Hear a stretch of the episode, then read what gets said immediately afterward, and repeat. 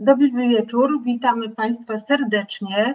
E, dzisiaj audycję będę prowadzić ja, Marta Koszkowska-Warywoda i sędzia Monika Ciemięga. Jola Jerzewska jest na urlopie. Dzień dobry, właściwie dobry wieczór. Dobry Cześć. wieczór. Realizuje nas pan Maciej, któremu serdecznie za to dziękujemy. I powiem Państwu tak, e, przygotowując e, zajawkę tej audycji, myślałam, że będziemy głównie rozmawiać o festiwalu Poland Rock, ale ponieważ w czasie weekendu pojawiła się ta e, ciesząca nas informacja, że sędzia Igor Tuleja wraca do pracy, to tak napisałam, napisałyśmy wspólnie, że porozmawiamy również o przywróceniu sędziego Igora Tulei do pracy. Myślę, że dzisiejszy scenariusz E, przekroczył nasze wszelkie wyobrażenia. Wydarzyło się coś w rodzaju roller coastera, który zabrał nas e, w jakąś niewyobrażalną e, podróż w czasie i przestrzeni. No i za chwilę opowiemy, co się stało, ale najpierw przedstawmy naszego gościa. Jest z nami dzisiaj sędzia Monika Maćkowiak, która właśnie przyjechała z festiwalu Polendro. Witamy. Dzień dobry, witam wszystkich, a właściwie to siema. Siema. Siema, siema. Wiesz, już zapowiedziałam, że zanim przejdziemy do tego miłego tematu festiwalu, to spróbujemy wyjaśnić naszym widzom, co się wydarzyło od piątku, jeśli chodzi o sytuację sędziego Ikora Tulei. Monika, zaczniesz ty? Y, no, sytuacja była dynamiczna. My się bardzo, y, ponieważ byliśmy bardzo, bardzo zajęci, właściwie przez 12 godzin na dobę od wtorku do soboty pracowaliśmy przy Y, przy warsztatach mm, w ramach no, Akademii. Może, może zacznijmy od tego, że Igor y, również był na Polen Roku, prawda? Do tego zmierzam. Wszyscy byliśmy bardzo zajęci, łącznie z Igorem, bo Igor przez cały czas był z nami. Od rana do wieczora pracował bardzo intensywnie. Y, I ta informacja nas zaskoczyła, ponieważ my właściwie byliśmy w takiej enklawie odciętej od świata i głównie się skupialiśmy na pracy w ramach Akademii Sztuk Przepięknych, łącznie z Igorem. E, który był w to bardzo zaangażowany i y, chyba w piątek czy w sobotę y, dotarła do nas informacja taka przekazana tam y, różnymi kanałami, która chyba została pobrana z jakiegoś portalu TVP Info, że Igor został przywrócony do pracy. On był równie mocno zaskoczony tą informacją, jak my wszyscy. E, I prawdę mówiąc, wszyscy, a szczególnie Igor, sceptycznie podchodziliśmy do tej informacji. On był nas, taka iskierka nadziei w nim była, że do tej pracy wróci, ale bardzo ostrożnie podchodził do, do euforii. Nie była euforii. On mhm. nawet chyba powiedział głośno coś takiego, że, że pewnie znowu coś wymyślą. No to długo nie czekał na odpowiedź na to pytanie, czy coś wymyślą i co, bo dzisiaj, mm, tak jak powiedziałaś Marta, y, wszyscy byliśmy, przerosło to nasze wyobrażenia, ale to wcale nie znaczy, że, że my się tak zupełnie niczego nie spodziewaliśmy. Nie no ale myślę, że warto zacząć od początku, bo ja myślę, że mhm. wszystko to, co się wydarzyło, to nie było przypadkowe. Mhm. E, Igora do e, orzekania przywróciło Kolegium Sądu Okręgowego w Warszawie, zwołane w trybie nagłym, z tego co wiem, przez nową prezes Sądu Okręgowego w Warszawie. No i to wszystko wydarzyło się w piątek w godzinach popołudniowych. Zresztą e, tak też wynika z tych informacji, które pojawiły się na portalu TVP Info.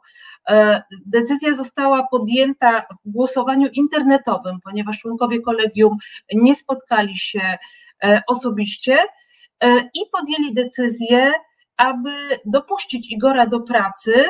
E, jako powód dopuszczenia do pracy podano nie orzeczenie sądu pracy, który przywrócił Igora do pracy, tylko e, podano taką informację, że na skutek bezczynności nowej Izby Sądu Najwyższego, czyli tej Izby Odpowiedzialności Zawodowej, czyli rozumiem, że zarzucono jej, że nie podjęła natychmiast decyzji w przedmiocie statusu sędziego Tulei.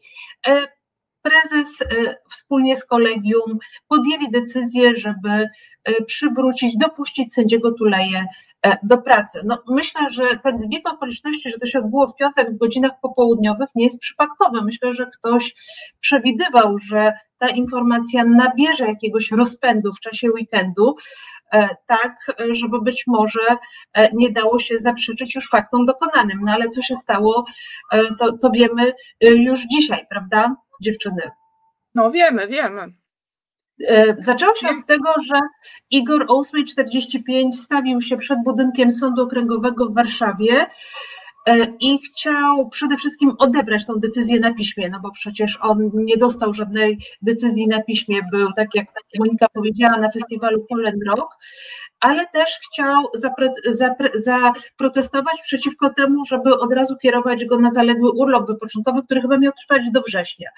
I, Marta, i... Przepraszam, czy byłaś tam razem z nim dzisiaj? Nie, nie, nie, ja miałam dzisiaj dyżur, wiesz, y, i jestem sama w wydziale w związku z okresem urlopowym, więc po prostu musiałam być już przed dziewiątą u siebie e, w wydziale, ale wiem dość na bieżąco, jak sytuacja wyglądała. Czyli tak, Igor zdążył odebrać e, te dwa pisma, czyli przywracające, dopuszczającego do pracy i kierującego na urlop.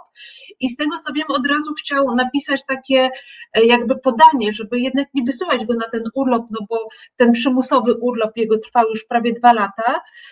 I w tym momencie, po upływie kilkudziesięciu minut, doręczono mu kolejne pismo, była to decyzja e, prezesa Sądu Apelacyjnego w Warszawie, podpisana z upoważnienia przez jego zastępcę, e, i była to decyzja o uchyleniu w trybie nadzoru administracyjnego zarządzenia prezes Sądu Okręgowego w Warszawie o dopuszczeniu sędziego Igora Tulei do pracy. Tak mniej więcej ten scenariusz wyglądał. Przypomnijmy, ja tylko chciałam przypomnieć, że prezesem, e, prezes Sądu Apelacyjnego... Dokładnie do tego zmierzałam, żeby padły nazwiska.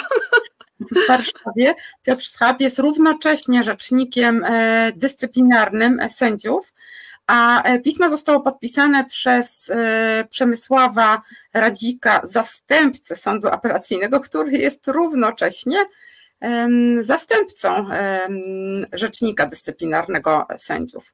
E, także no, e, ileś tam funkcji w jednych rękach, wszystkie oczywiście z nadania e, ministra Ziobry. Ale zobaczcie, jak to pięknie obrazuje te zależności, które powstały w ramach nad, tak zwanego nadzoru administracyjnego na skutek zmian wprowadzonych przez obecnych rządzących do ustaw regulujących sposób funkcjonowania wymiaru sprawiedliwości.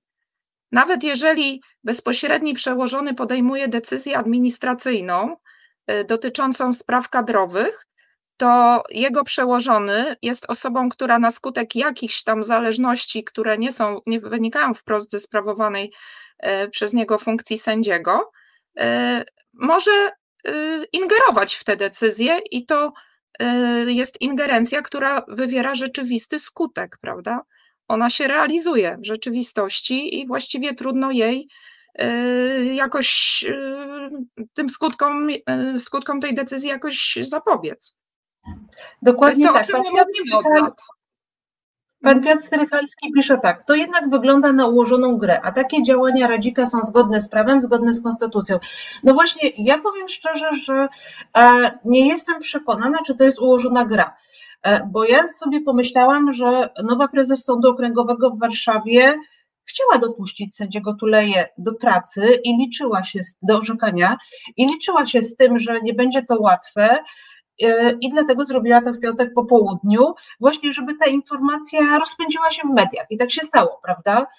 E, I myślę, że może liczyła w taki sposób, że E, nikt tej decyzji już nie zmieni w momencie, kiedy ona zostanie powszechnie ogłoszona w różnych mediach, między innymi również tych mediach sprzyjających partii rządzącej.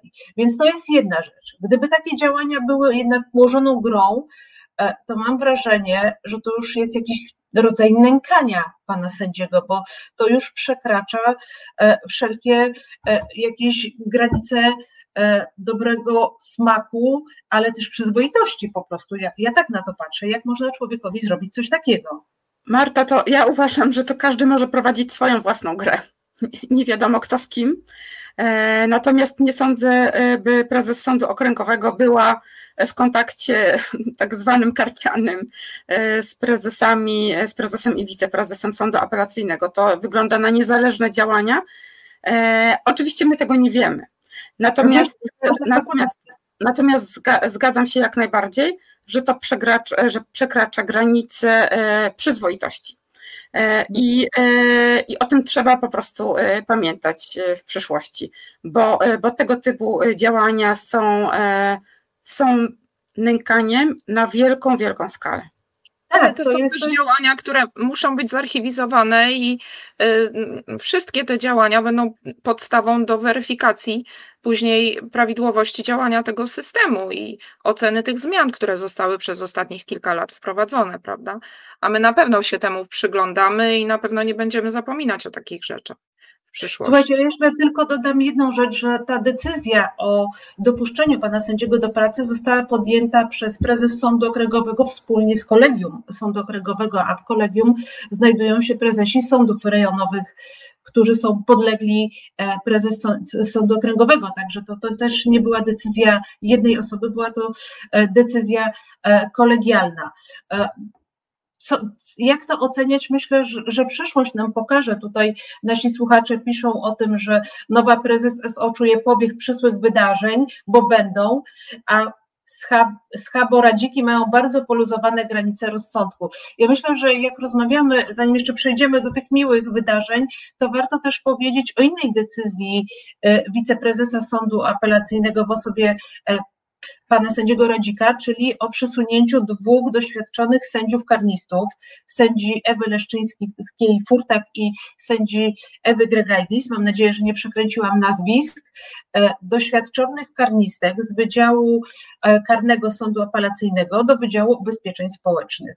To jest e, też informacja, która wszystkich nas zadziwiła, przede wszystkim dlatego, że są to bardzo doświadczeni sędziowie, którzy cieszą się ogólnie takim dużym szacunkiem i uznaniem. I to jest tak, już ktoś użył tego porównania, jakby lekarza, chirurga przesunąć po prostu na, nie wiem, oddział dermatologii na przykład.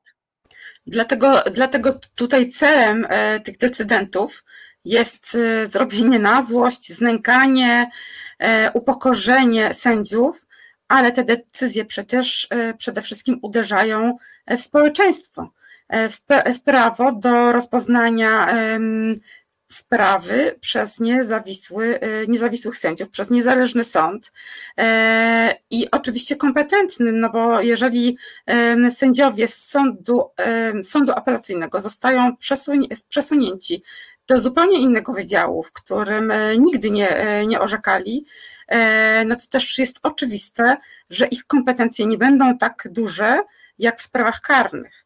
E, no i czyli, odbiera się jednocześnie obywatelowi prawo do sprawnego sędziego, doświadczonego sędziego no i do mhm. szybkiego, skutecznego uzyskania rozstrzygnięcia, prawda?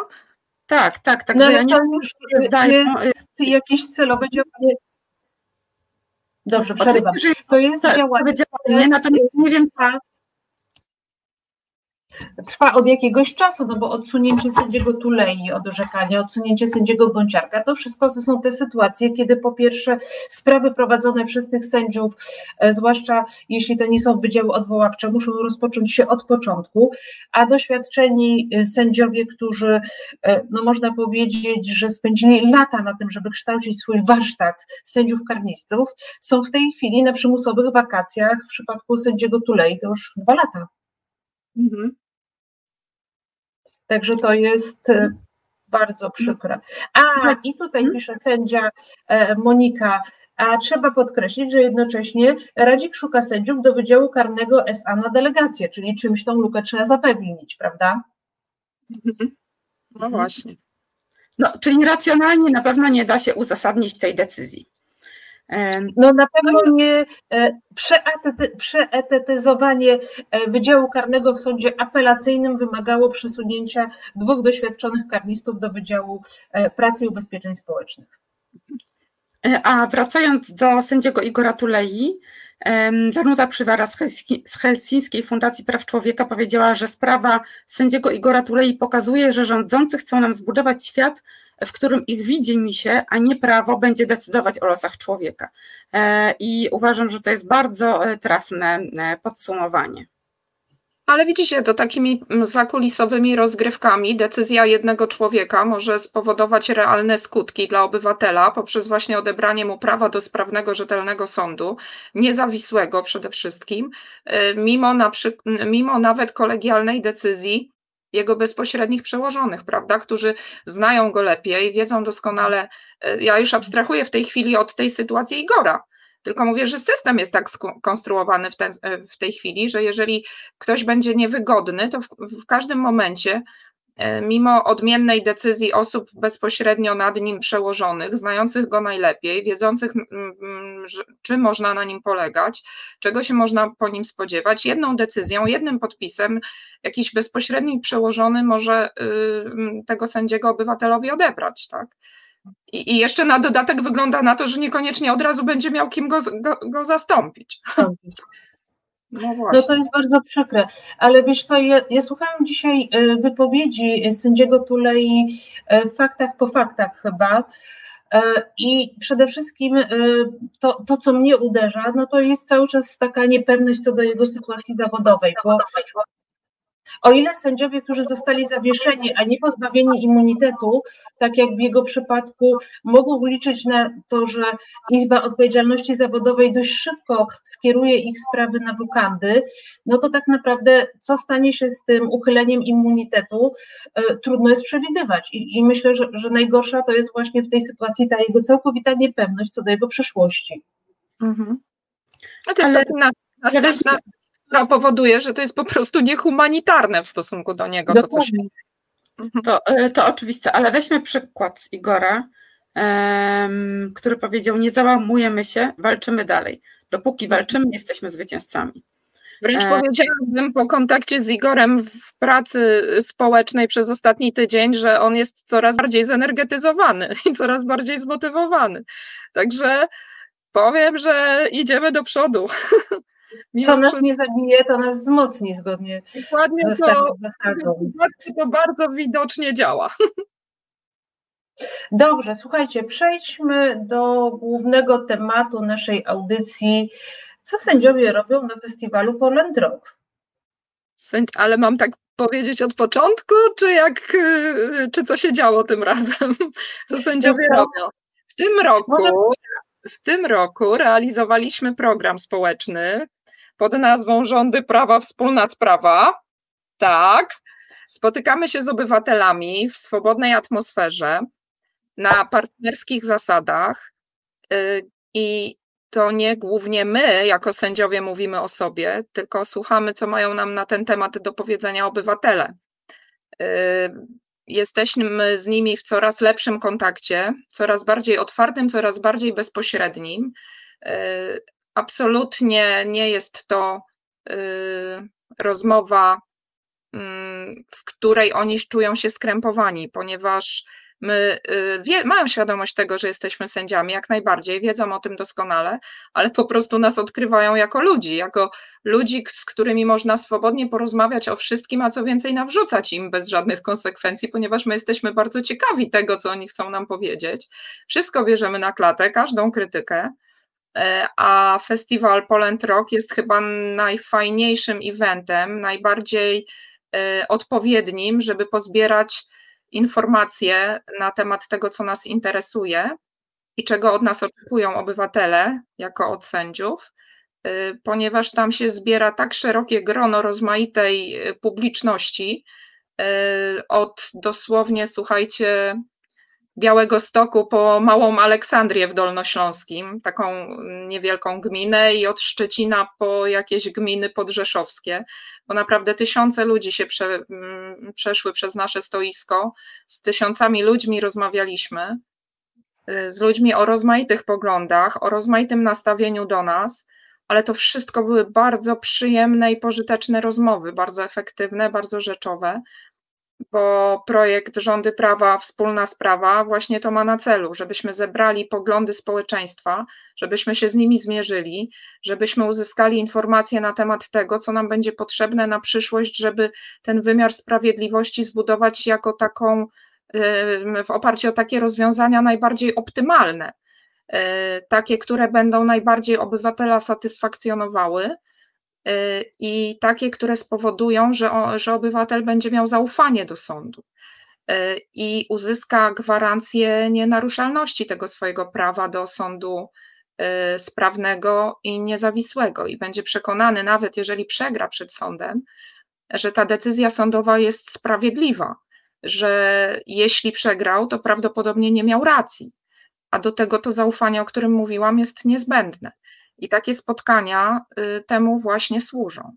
Co więcej, y, y, co więcej projekt jest w takiej formule realizowany, że jeżeli, do czego oczywiście zachęcam, obywatele polubią nasze strony na Facebooku, na Instagramie, pod hasłem Rządy Prawa Wspólna Sprawa. Jeżeli polubią profile mm, Stowarzyszenia Sędziów Polskich Justicja na Facebooku, naszego Twittera, naszego Instagrama, jeżeli zainteresują się naszymi stronami internetowymi, czyli stroną SSP Justicja oraz mm, stroną Rządy Prawa, to będą mieli nie tylko Y, bezpośredni wgląd we wszystkie informacje, y, których udzielamy, y, informacje o tym, jakie wydarzenia i gdzie się odbywają, gdzie się można z nami spotkać, gdzie można nam powiedzieć to, co się ma do powiedzenia, gdzie możemy podyskutować, gdzie możemy wypracować jakieś wspólne pomysły. No, ale też będą zorientowani na bieżąco, co jest nowym tematem do tych dyskusji. E, Monika, Więc do kontaktu, to jest możliwość kontaktu bieżącego. Monika, gdzieś przeczytałam, że po pierwsze, e, sędziom nie przystoi e, paradowanie w krótkich spodenkach na festiwalach. E, także chciałabym, żebyś powiedziała, co ty o tym sądzisz.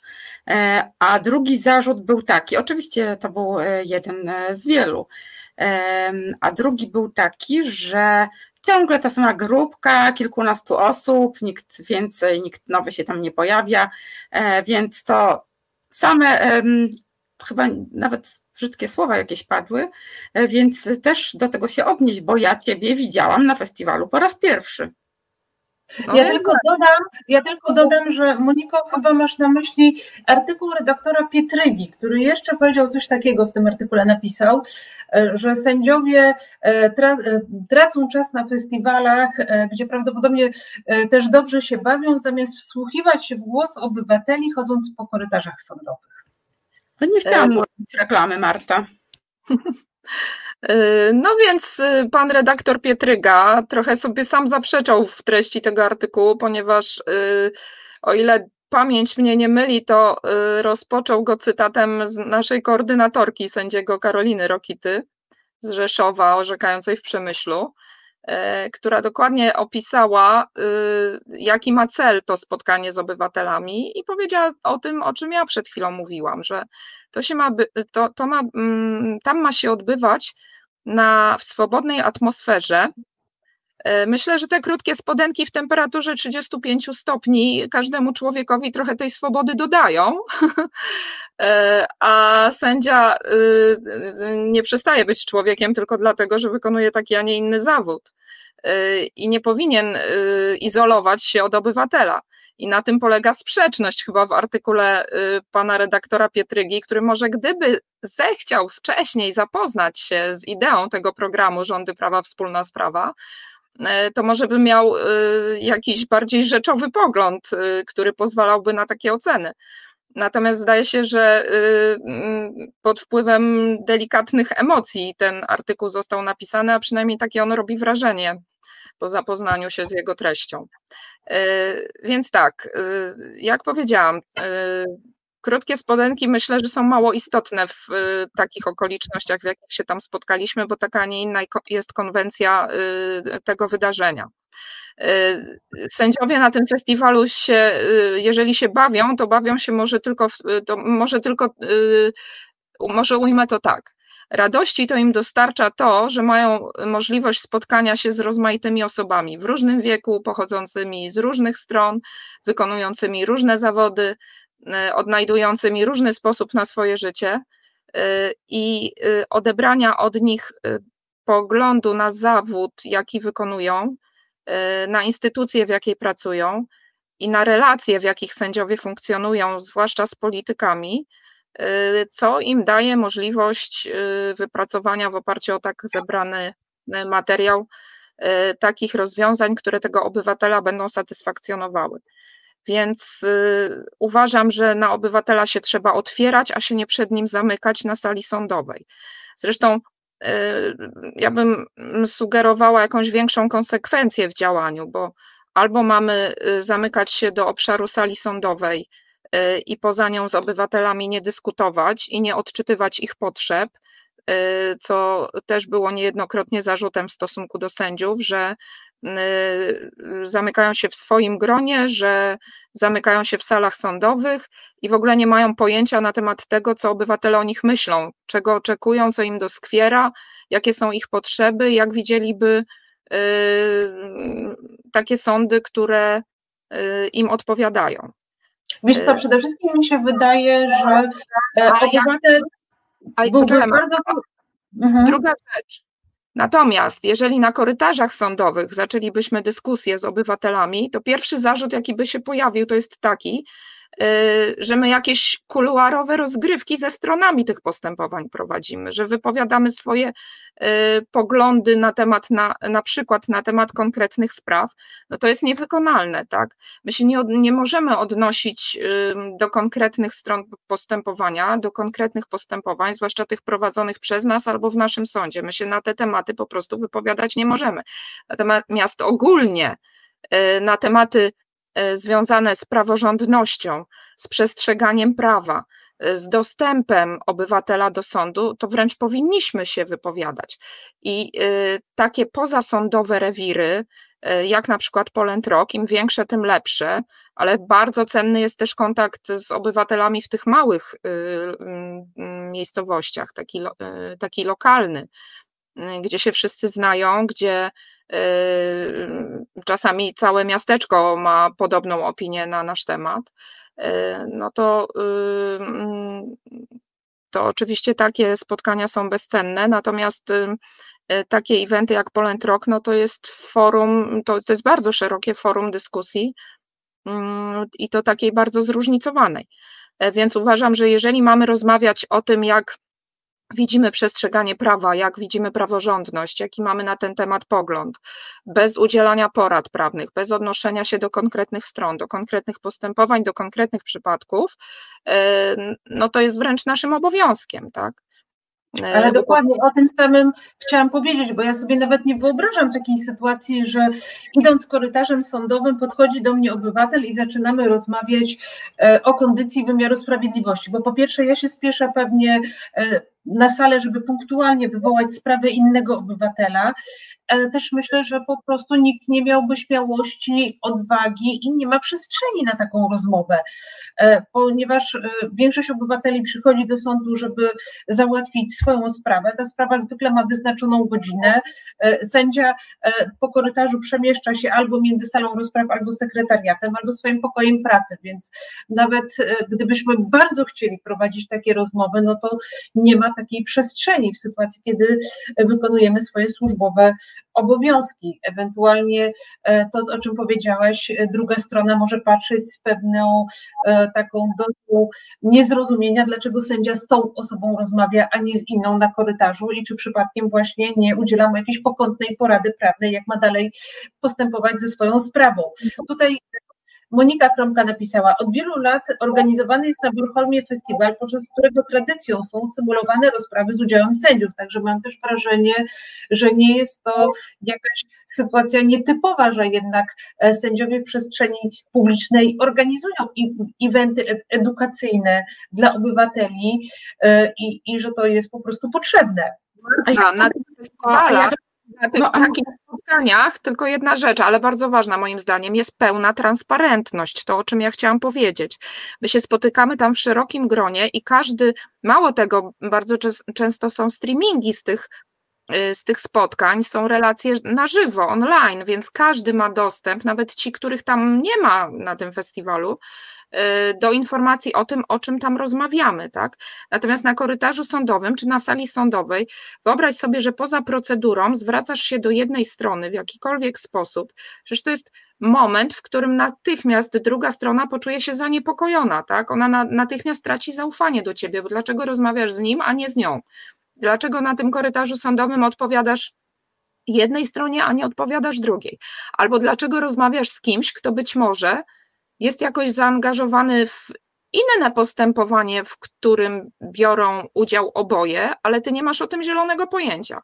Więc pomysł redaktora Pietrygi na e, rozmowy ze stronami e, o takich ogólnych kwestiach jak wymiar sprawiedliwości, praworządność, e, sądy, sędziowie w murach sądowych to jest zupełnie przestrzelony, tak? Bo właśnie tam moglibyśmy się spotkać z zarzutem jakiegoś wykroczenia poza zasady etyczne, które nas obowiązują. A ja, chciałam, a ja chciałam dodać, że kontakt ze społecznością lokalną jest przecież w ramach e, kafejek prawnych, które e, no szczególnie przed pandemią odbywały się w bardzo wielu e, miejscach w Polsce, a obecnie te kafejki prawne przecież wracają, są kontynuowane w coraz większej jakby liczbie miejsc.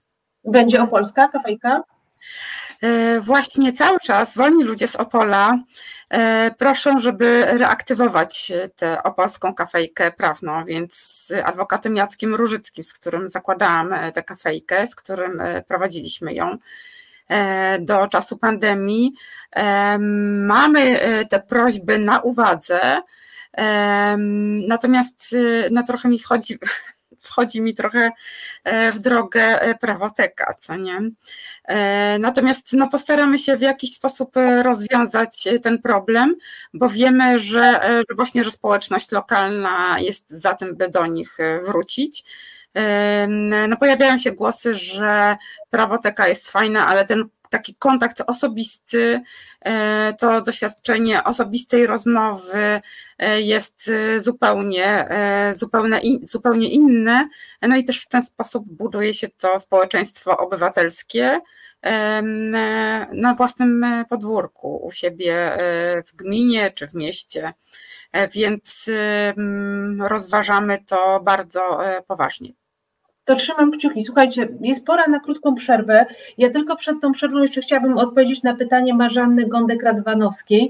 Czy nie orzekanie przez sędziego Tuleje przez określony czas może być podstawą do pozbawienia go prawa do wykonywania zawodu? Nie, Pani Marzanno. Tak naprawdę sędzia może zostać pozbawiony e, możliwości orzekania złożony z urzędu tylko w drodze postępowania dyscyplinarnego jako najsurowszą, to jest jedna z najsurowszych kar dyscyplinarnych. Także e, ta sytuacja ma negatywne, e, e, negatywny skutek dla obywateli i dla pana sędziego, ale myślę, że w żaden sposób nie pozbawi go możliwości orzekania. Zgadzacie się ze mną, dziewczyny? Zgadzamy się z Tobą, przy czym ten sąd musi być prawidłowo powołany, czyli to musi być e, legalny sąd dyscyplinarny. Dobrze, to poprosimy o przerwę. Zanim, zanim pójdziemy na przerwę, odczytajmy jeszcze to, co napisał pan Tomasz Mariusz. Tak jak w ubiegłym roku, tak i ostatnie kilka dni daje bezcenne odbrązowienie figury sędziego. Właśnie te krótkie spodenki skracają dystans e, i e, otwierają pole do ludzkiego kontaktu z pozornie wyalienowanymi, e, tak propaganda TVP, członkami kasty SIP. E, kto był, e, ja tak, i podsłuchiwał pozytywnie, wie, że dziesiątki ludzi młodych wróciło do domu po gruzach mitu, e, że sędzia to niedostępny but wyautowany z realnego życia. Tak, chciałam Wam powiedzieć y, po przerwie trochę na temat tego, co myśmy tam konkretnie robili i co usłyszeliśmy od osób, które nas odwiedziły. A gros tych osób, mimo że była ich cała masa, no to była po prostu fala niesamowicie pozytywnych ludzi. Y, to były osoby, które przychodziły codziennie. Codziennie przychodzili do nas, żeby porozmawiać albo wziąć udział w jakiejś innej części tego programu, który dla nich przygotowaliśmy. Będę o tym mówiła po przerwie. Super. O to chciałam Cię poprosić. Okej. Okay. Słuchasz Resetu Obywatelskiego. Witamy po przerwie.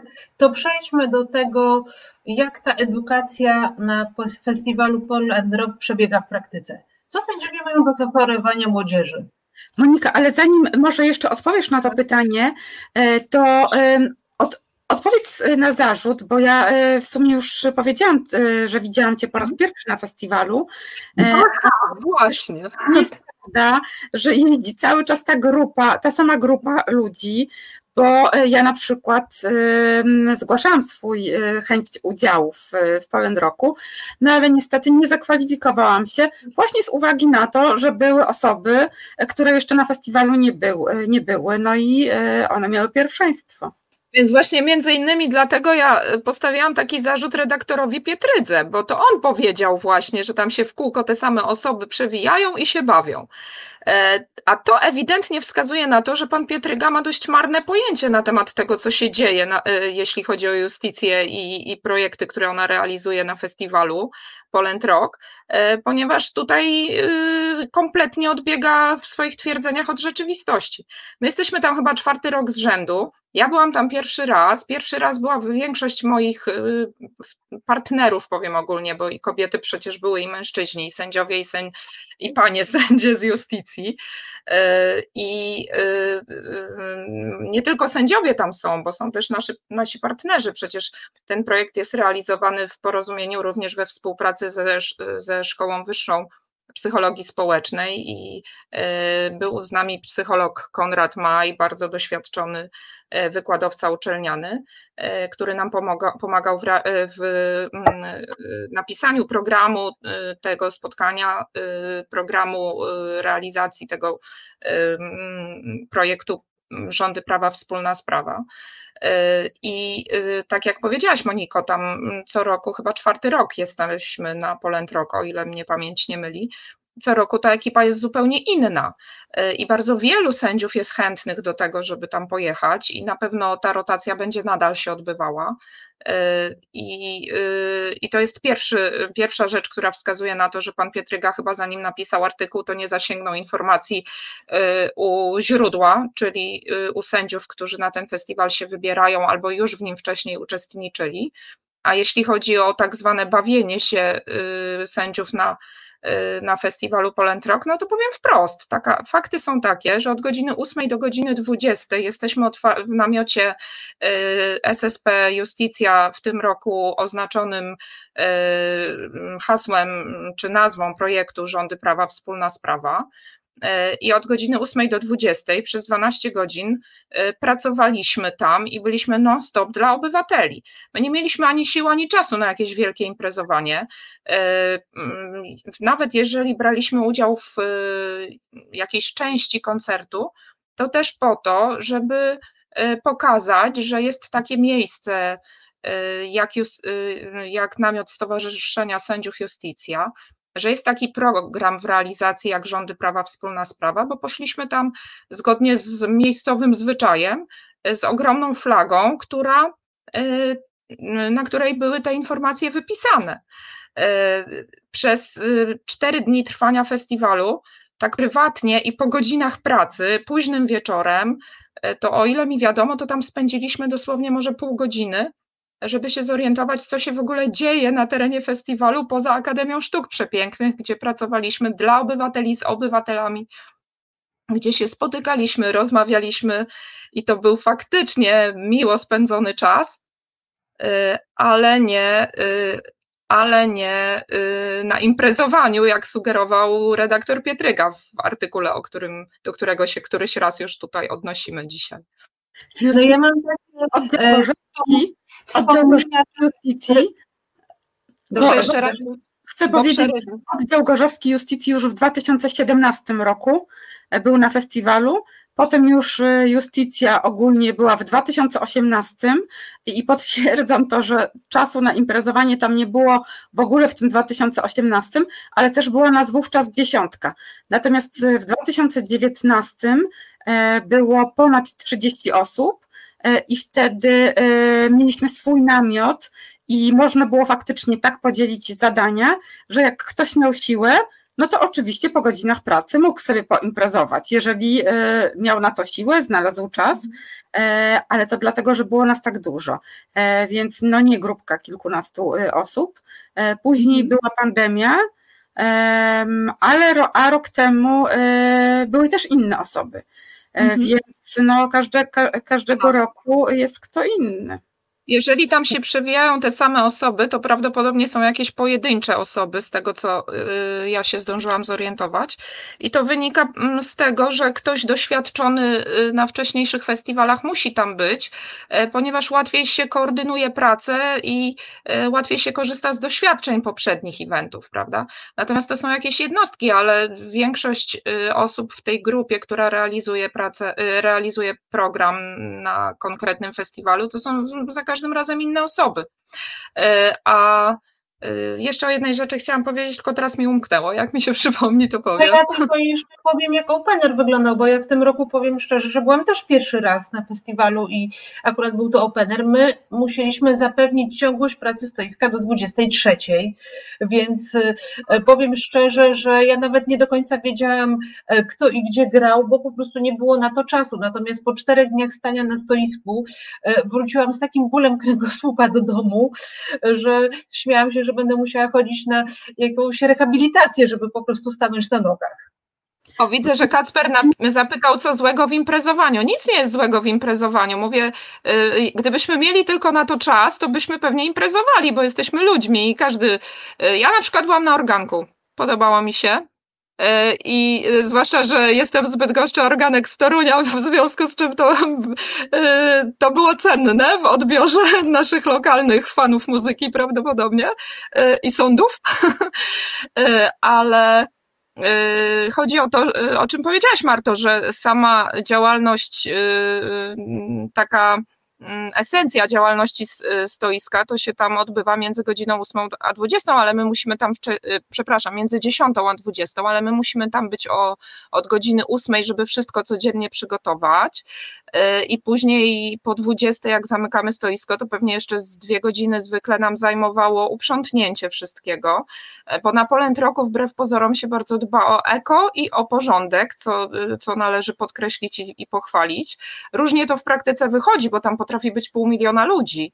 E, natomiast starają się na pewno i myślę, że e, że im to, e, że, że poczynili jakiś postęp w tym zakresie, ponieważ tacy stali bywalcy festiwalu nam mówili, że oni są bardzo zadowoleni z organizacji w tym Ale roku. Ale powiedzmy o tym programie edukacyjnym. A kiedy wy, a kiedy wy, no już, już przechodzimy. Chciałam tylko powiedzieć, że kiedy ma się swój namiot, to jeszcze trzeba go pilnować, jak to było w tak. 2000 i trzeba dbać o niego, żeby był komfortowy dla odwiedzających, prawda? Żeby tam było czysto, żeby było przestronnie, żeby było bezpiecznie. No i o to też musieliśmy zadbać. I to były dodatkowe godziny poza y, tym czasem funkcjonowania namiotu jako namiotu warsztatowego.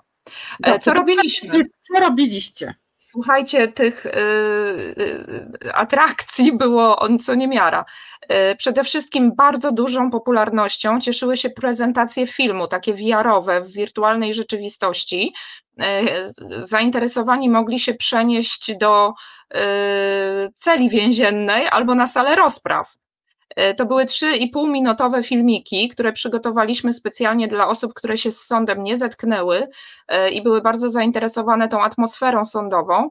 E, I pokazywaliśmy też, jak się człowiek czuje w, takim, w takich warunkach więziennych. Słuchajcie, jak, jak, jaka to była masa emocji. Ludzie zastygali, śmiali się. Jedna dziewczyna nam się tak popłakała, że musieliśmy zadbać o nią szczególnie, e, bo takie wrażenie to na niej zrobiło, zwłaszcza, że y, opatrzone to było komentarzem, który doprowadził ją do wniosku, jak bez, bezradny jest obywatel w zderzeniu z państwem, w którym nie ma niezawisłych sądów. E, także to było niesamowite. Mamy takie zdjęcia na, na profilach Rządy Prawa Wspólna Sprawa i na E, profilu e, Stowarzyszenia Sędziów e, Polskich Justicja. na których widać, że z każdym dniem coraz dłuższa kolejka do tych prezentacji VR-owych stała. To było bardzo popularne, ludzie byli bardzo tym zainteresowani i myślimy o tym, żeby w ogóle tą część projektu rozszerzyć, ponieważ ona się cieszy popularnością i jest bardzo efektywna. Poza Ale to powiedz jeszcze tak, e, nakładając te okulary, mogłaś przenieść się, rozumiem, do celi w zakładzie karnym, mogłaś znaleźć się na rozprawie, a trzeci film? E, nie, nie, to był, to był jeden film, który łączył te, to, te wszystkie a, scenerie. Okay. A poza tym można było tam usłyszeć, co ma Igor Tuleja do powiedzenia. Głos podkład, narrację prowadził Arkadiusz Jakubik i jeszcze e, Barto, Bartosz Żukowski, znany z roli Waldzia w e, Kiepskich, o ile ja dobrze e, się orientuję, bo akurat nie oglądam tego serialu, też grał rolę policjanta w tym filmie. I to była bardzo krótka, treściwa informacja, taka skompensowana, no o tym, o czym mówiłam, jak to wygląda, jak się, jak się obywatel czuje w zderzeniu z państwem w, wtedy, kiedy zabraknie tych niezawisłych sądów. Mhm. Były symulowane rozprawy? Były symulowane rozprawy. To słuchajcie, obs, y, y, y, wolontariusze Wielkiej Orkiestry Świątecznej Pomocy, którzy pracowali na Polent Roku, podchodzili do mnie chyba z pięć razy, żeby podkreślić, że oni jeszcze czegoś takiego na tych warsztatach nie widzieli. Mm, symulowana rozprawa mm, pod przewodnictwem sędzi Anny Marii Wesołowskiej z Która udziałem. Policjantką, prawda? Jest członkinią y, Stowarzyszenia Sędziów Polskich Justicja, y, z udziałem adwokata y, adwokatury polskiej Pawła Murawskiego z Warszawy i z udziałem prokurator Stowarzyszenia Niezależnych Prokuratorów Lex Superomnia. Wzbudziła taką furorę, takie zainteresowanie, że ten namiot, największy warsztatowy namiot Akademii Sztuk Przepięknych nie pomieścił wszystkich zainteresowanych. Y, no aplauz Co to ogromny. Była za sprawa? Co to była za sprawa? ogromny, y, a zainteresowanie być może wywołane było tym, że przedmiotem y, tej, tej, tego postępowania symulowanego była kwestia posiadania i dystrybucji miękkich narkotyków, czyli amfetaminy i marihuany. I powiem Wam, że od takiego zaczę, zaczę, zaczęła się ta symulacja Mm, od y, takiego nastroju dość rozrywkowego wśród publiczności, y, tak jakby się jakieś show zaczynało, a w trakcie tej rozprawy, kiedy coraz więcej informacji przepływało na temat tego, jak takie postępowanie wygląda, jak taka rozprawa się odbywa, co sędzia ma do powiedzenia, co adwokat i prokurator mają do powiedzenia, y, co się wydarzyło, dlaczego i jakie były tego skutki, powodowało taką dynamikę tych emocji, że już pod koniec wcale nie było tak śmiesznie, a wychodziła publiczność na pewno z ogromnym bagażem informacji do przemyśleń. I potem, jak spotykaliśmy się na terenie ASP, czy w ogóle na terenie y, festiwalowym, y, to y, bardzo często do nas podchodzono i, i dzielono się z nami tymi swoimi przemyśleniami. I dziękowano nam, że, że, że taką inicjatywę podjęliśmy i zrealizowaliśmy. Także to jest też bardzo dobry pomysł na przyszłość. E, co jeszcze fajnego robiliśmy? Co... Jeszcze była druga symulacja, prawda? Rozprawy. Jeszcze była symulacja rozprawy, która była, której takim bezpośrednim, dobry wieczór Pani Iwono, którym takim bezpośrednim e, adresatem były dzieci. I to była fantastyczna też sprawa. Co prawda to się trochę. Prawda? Proszę? Jeszcze dzieci, raz? Dzieci też były ławnikami w tej. E, dzieci były zaangażowane, tak, ponieważ zasiadały w składzie sędziowskim razem z Igorem Tuleją. E, I był to proces wilka z czerwonego kapturka, oskarżonego o zabójstwo czerwonego kapturka. E, dzieciaki są strasznie czułe na niuanse. Dzieciaki są bardzo uważnymi obserwatorami, dzieciaki są bardzo zainteresowane. Wilk robił ogromne wrażenie. W ogóle uczestnicy tego procesu, y, łącznie z dziećmi, byli bardzo aktywni. Y, skład był trzyosobowy, wyrok zapadł, E, no ale, właśnie, wcale, ale wcale nie jednomyślnie, ale wcale nie jednomyślnie. Tym razem, bo to już któryś raz mm, robiliśmy symulację rozprawy, y, w której oskarżonym był wilk. Y, robimy to od czasu do czasu w różnych miejscach, a tym razem wilk został skazany ale y, jeden chłop, chłopiec, który zasiadał za stołem sędziowskim jako ławnik, zgłosił wotum separatum i bardzo chciał wilka Y, uniewinnić. Y, rozmawiałam później z dziećmi z publiczności, każde miało swoje zdanie na temat y, przebiegu tej rozprawy i tego wyroku.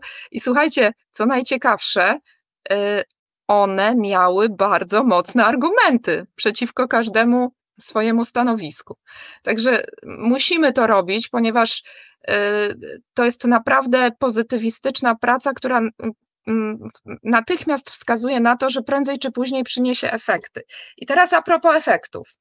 Prowadziliśmy dwukrotnie warsztaty dla y, uczestników festiwalu z ich bardzo licznym udziałem. Pierwsze warsztaty prowadziłam ja y, z Konradem Majem i Igorem Tuleją y, jako liderem a drugie warsztaty prowadziła y, prowadzi, przy pomocy Konrada Maja również oraz sędzi Sądu Rejonowego we Włocławku Marty Borkowskiej poprowadził Paweł Juszczyszyn.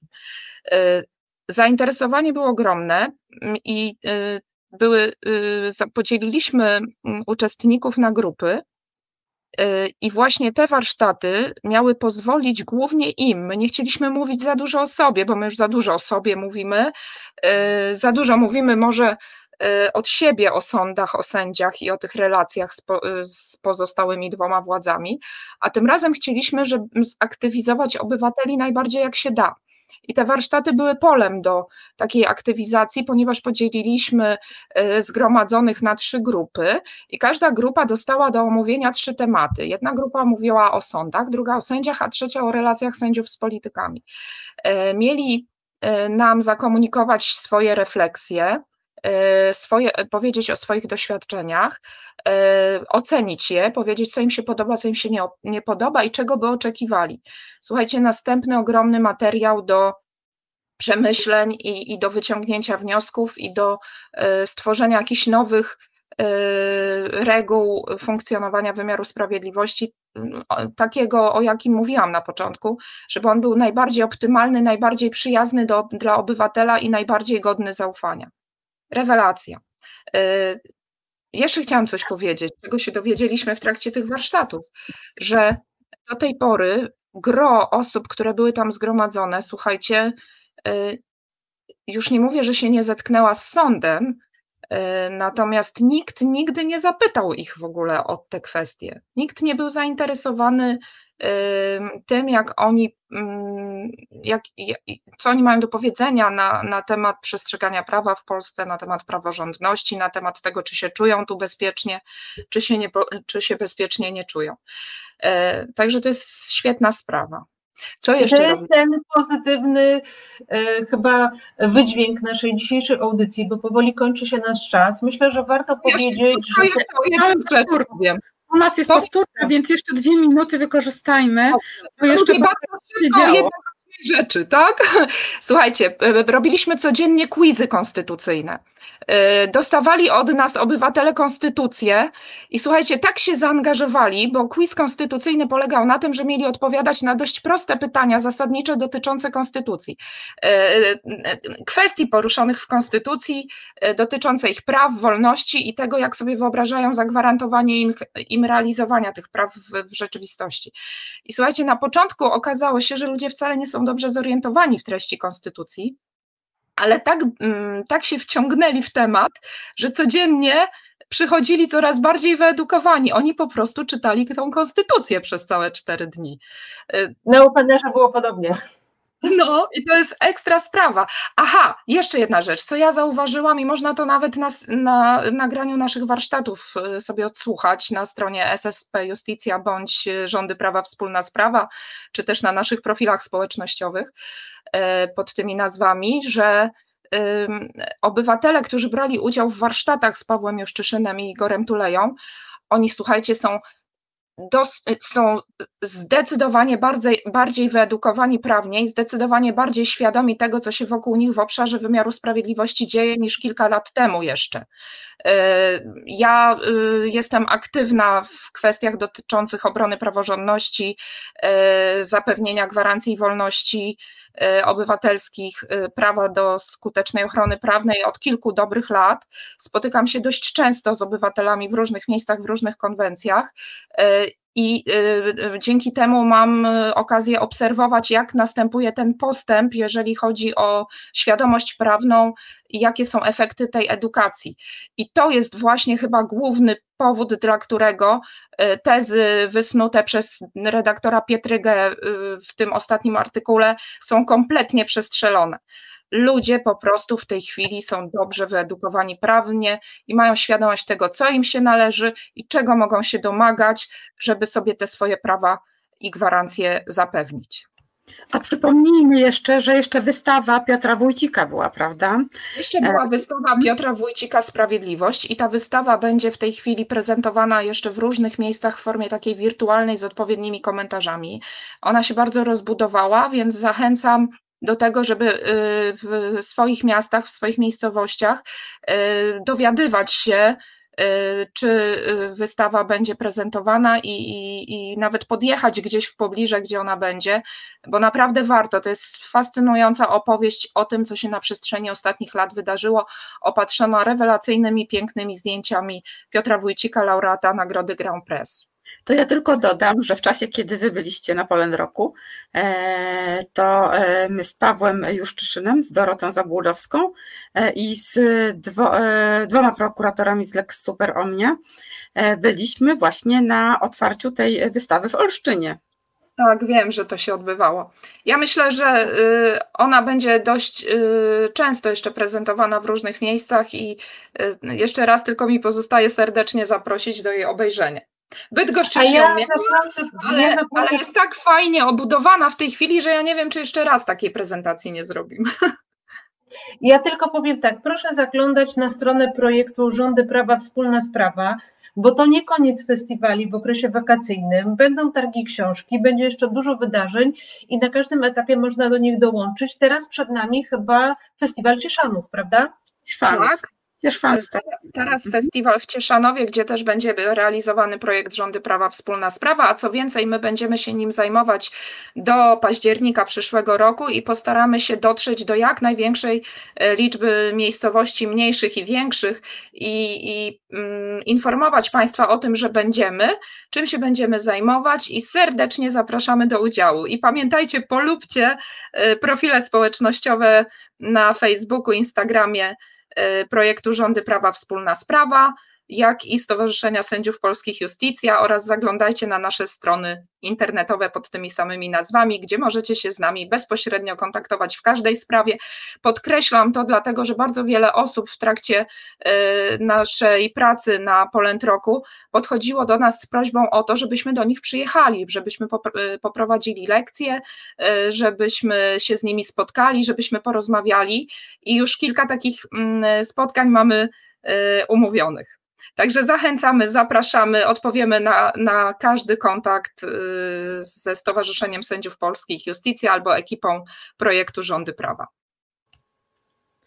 A na dziś dziękujemy. Dziękuję. I do zobaczenia. Ja również dziękuję. Bardzo miło do było Was zobaczyć dziękuję. i spotkać się z Państwem. Do zobaczenia i siema. Siema.